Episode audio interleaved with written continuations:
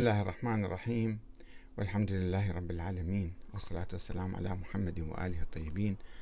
ثم السلام عليكم أيها الأخوة الكرام ورحمة الله وبركاته. الأخ علي الزبيدي يسأل ويقول هل أخطأ الرسول الأكرم في عدم تعيينه خليفة له من بعده؟ وهذه رسالته. يقول أستاذ أحمد أنت فيما تعتقده حر ولكن لا تفرض على الآخرين رأيك وأنت لم تجب.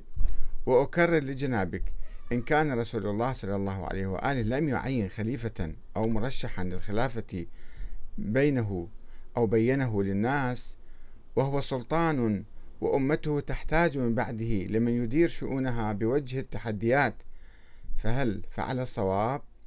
وإن كان فعل الصواب فلماذا لم يقتدي به أبو بكر؟ فعين عمرا. وعمر بدوره عين ورشح ستة لشوراه.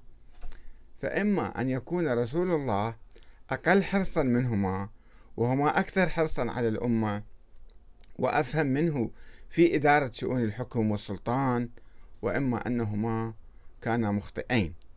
وإما أنه عين خليفة أو مرشحا وهما اقتديا به فمن هو الخليفة؟ وأما عن سؤالك من هو الخليفة اليوم؟ فأنا أسأل جنابك هل كانت ليلة القدر في عهد النبي أم لا؟ وهل كانت تنزل عليه الملائكة فيها من كل أمر تحتاجه الأمة؟ وهل انقطعت ليلة القدر من بعده أم ما تزال؟ فإن كانت ما تزال ليلة القدر فعلى من تتنزل الملائكة فيها من بعده صلى الله عليه وآله. على صاحب الجلالة أو الأمير أو الحاكم الفلاني و من حكام المسلمين أم تراها تنزل على ترامب لأنه حاكم عالم وتحياتي. آه، في الحقيقة السؤال يتضمن يعني موضوعين موضوع النبي عين أو لم يعين وموضوع الثاني آه، على من تنزل الملائكة في ليلة القدر وهذا تحدثنا عنه سابقا. آه، نتوقف عند النقطة الأولى أنه يحاول استخدام عقله. وكثير من آه، أصحاب نظرية الإمامة يدعون استخدام العقل في هذا الموضوع. أنه معقول النبي يترك الناس بدون ما يعين خليفة وأبو بكر وعمر عينوا من بعدهم آه، خلفاء فهم كانوا أحرص من عنده؟ لا مو أحرص. فإذا النبي أكيد لازم يكون معين واحد. طيب. أولا هم يقولون أيضا الدين لا يؤخذ بالعقل. في الحقيقة يؤخذ بالعقل ولكن لا يؤخذ بالعقل الناقص. اللي ما يعرف الحكمة ما يعرف الأمور ما يدرسها دراسة كاملة وشاملة حتى يفهم الأمر آه، معقول ولا ما معقول. وربما توجد حكمة أو حكم وراء ذلك أن النبي لم يعين أحدا آه، والله سبحانه وتعالى لم يضفي على الحكام وعلى الخلفاء وعلى السلاطين صفة دينية.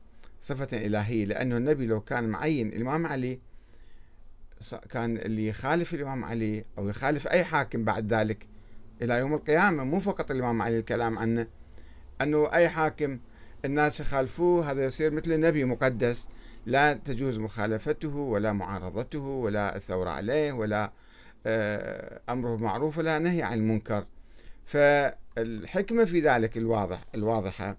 أن الله تعالى لم يرد أن يضفي على أي حاكم بعد النبي صفة القداسة وشبه النبوة. النبوة خلاص انتهت بالنبي محمد وانتهى الموضوع.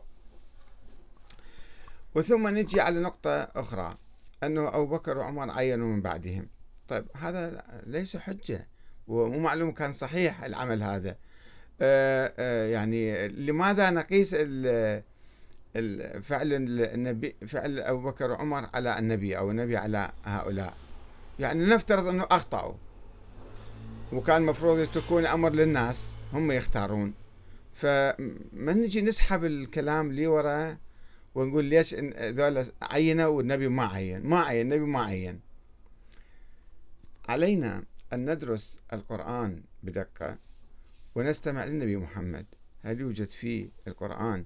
كلام عن الدستور وعن نظام الحكم وعن الخليفة التالي النبي هل تحدث بصراحة ووضوح عن موضوع الخلافة؟ وهل عين مثلا آه، آه، دستور للحكم؟ هل عين مجلس للشورى؟ النبي محمد مثلا؟ ما عين. النبي ترك هالأمور للناس تماما. حتى أنه لم يعين لو كان يريد أن يعين واحد. مثل ما أبو بكر أو عمر مثلا عين الشورى الستة وعين قوة مسلحة آه، تفرض هذا الأمر. النبي ما عين كان بإمكانه مثلا يعين له قوة عسكرية تقول هذا علي بن أبي طالب خليفتي وأي واحد يخالفه أنتم اقطعوا عنقه مثلا. هذا الشيء ما سوى النبي. بس الأخوة آه، أصحاب النظرية الميتة المنقرضة البائدة هي نظرية الإمامة ما موجودة. بس يقعدون الآن يفكرون ويطرحون أسئلة ويصنعون نظريات مثالية ويحاولون فرضها على الله وعلى النبي. أنه لازم الله يكون معين. طب أنت شو خصك النبي ما عين. الله ما عين خليفة من بعده ولا عين دستور لنظام الحكم. وترك ذلك للعقل الإنساني على مدى الزمان والمكان. طيب إذا افترضنا على هالأسئلة هذه اللي يريد الأخ يوصل إليها أن النبي عين الإمام علي. إذا افترضنا ذلك فماذا بعد الإمام علي؟ وماذا بعد الحسن؟ وماذا بعد الحسين؟ وماذا بعد كل واحد إمام؟ هل عين أحد؟ هل هناك تعيين؟ لماذا الإمام علي لم يعين الحسن؟ وقال إني أترككم كما ترككم رسول الله. وقالوا له إحنا راح آه، ننتخب الحسن. قال لا أمركم ولا أنهاكم. هذا راجع لكم ما فرض ولي عهد مثل ما معاوية سوى مع يزيد. ما قال هذا ولي عهدي في في البداية. بعدين نجي إذا أنه آه، أين النص على كل واحد من الأئمة التاليين الباقين؟ وين النص؟ إذا إحنا يعني رفضنا نظرية الشورى وأن النبي ترك الأمة هي تختار. وقلنا لا يجب أن يكون هناك تعيين وهناك نص والنبي نص على الإمام علي بس النص الواضح الصريح ما وصلنا مثلا. أين النص على بقية الأئمة واحد بعد واحد؟ ولماذا اختلف أبناء الأئمة وشيعة الأئمة والخلص من الأئمة؟ كل كل إمام توفى يحتارون وحتى كان يسألون الأئمة من هو الإمام بعدك؟ ويقولون في الكافي كما توجد أحاديث أن حتى الإمام السابق ما كان يعرف الإمام اللاحق والإمام اللاحق ما كان يعرف نفسه راح يصير إمام إلا في اللحظة الأخيرة كما يقولون في الإمامية يعني في كتاب الكافي. وإذا كان آه، هناك نص وتعيين فلماذا تنازل الإمام الحسن عن الخلافة لمعاوية؟ إذا مسألة دينية والله معين إمام من بعد الإمام علي فلماذا تنازل تنازل عن الحكم وأعطاه لمعاوية وبايع الحسن والحسين لماذا؟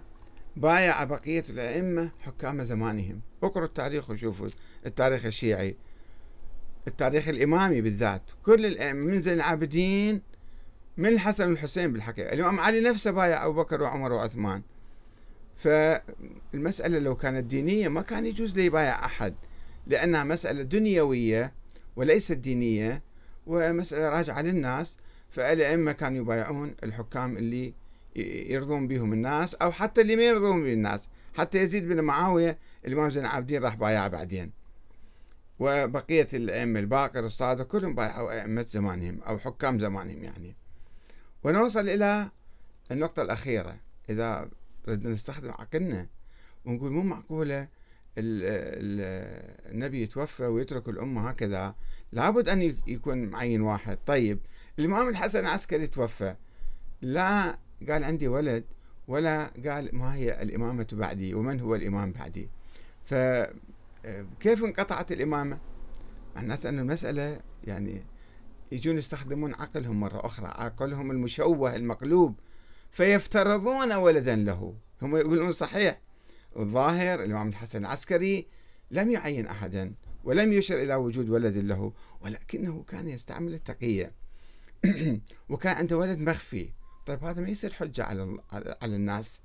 إذا ولد مخفي وما حد ما شايفه وأربعة خمسة يبسبسون به هذا ما يصير دين ولا يصير مذهب ولا يصير عقيدة دينية. وعلى فرض وجود ذلك الولد اللي هم افترضوه بعقلهم عقلهم المشوه الناقص أنه مو معقولة الإمام الحسن يتوفى ما عنده خليفة من بعده فيجب أن نفترض ولدا له نفترض. ما كل شيء دليل عليه لا دليل شرعي وقطعي وتاريخي. فلماذا غاب ذلك الإمام المعين من قبل الله على فرض القول هذه المدة الطويلة؟ على فرض وجوده وولادته. بالنتيجة 1200 سنة صار لنا ما عندنا إمام معين من قبل الله. هاي نظرية مثالية خيالية افتراضية وقد ماتت وانقطعت وانتهت وبادت ما لها وجود بس إحنا جايين بعد 1200 سنة 1000 وكذا سنة آه نحاول أن يعني نستخدم عقلنا عقلنا المشوه المقلوب ونريد نفترض في النظرية على الله وعلى الإسلام. فما عندنا شنو شنو واجبنا اليوم؟ هل ننتظر ذلك الإمام الغائب مثل ما انتظروا أجدادنا وأجداد أجدادنا؟ أن نجلس ننتظر ظهور هذا الإمام الذي لم يظهر لأنه مو موجود. أم نطبق الشورى النظرية الثانية البديلة آه، نظرية الشورى ونختار إمامنا بأنفسنا لأن الحكم والخلافة والسياسة من شؤون الدنيا وليست من شؤون الدين. ولذلك ترك رسول الله صلى الله عليه وآله الأمة لكي تنتخب حكامها في كل زمان ومكان على ضوء القيم الإسلامية من العدل والشورى والالتزام بالشريعة الإسلامية. فشوفوا إحنا هذا كله يعني كلام عبثي. أسئلة عبثية افتراضية. نريد نقرأ التاريخ كما نحب ونستخرج من عنده نظريات كما نرى. ونظريات غير ملموسة بالتالي لا نحصل شيئا بأيدينا من الكلام كل هذا. فلا بد أن بالحقيقة شوية نعود إلى عقلنا ونعود إلى القرآن وإلى السنة النبوية. لا نجد كلاما عن الدستور وعن نظام الحكم لأن هذه أمور متروكة للناس لكي هم الناس يعني يتفقون فيما بينهم على أسس ومبادئ وقيم وينتخبوا حاكما عادلا يحقق لهم الأمن والعدالة والسيادة والاستقلال وتطبيق الإسلام. أما موضوع أنه على من تنزل الملائكة هذا أيضا افتراضي أنه على من تنزل؟ تنزل على رسول الله. بعد ما ما لا يوجد نبي بعد النبي محمد حتى تتنزل عليه الملائكة. إذا قلنا الملائكة تتنزل على واحد آخر من الأئمة هذا صار مثل النبي. تتنزل عليه الملائكة ويشوفهم ويعرفهم أو تتنزل الملائكة بمعنى رحمة الله. رحمة الله على كل المسلمين. على كل الناس وليس على إمام معين بالذات وإلا هذا يصبح آه، يصبح يعني شبه نبي أو نبي يصير إذا تتنزل عليه الملائكة. والسلام عليكم ورحمة الله وبركاته.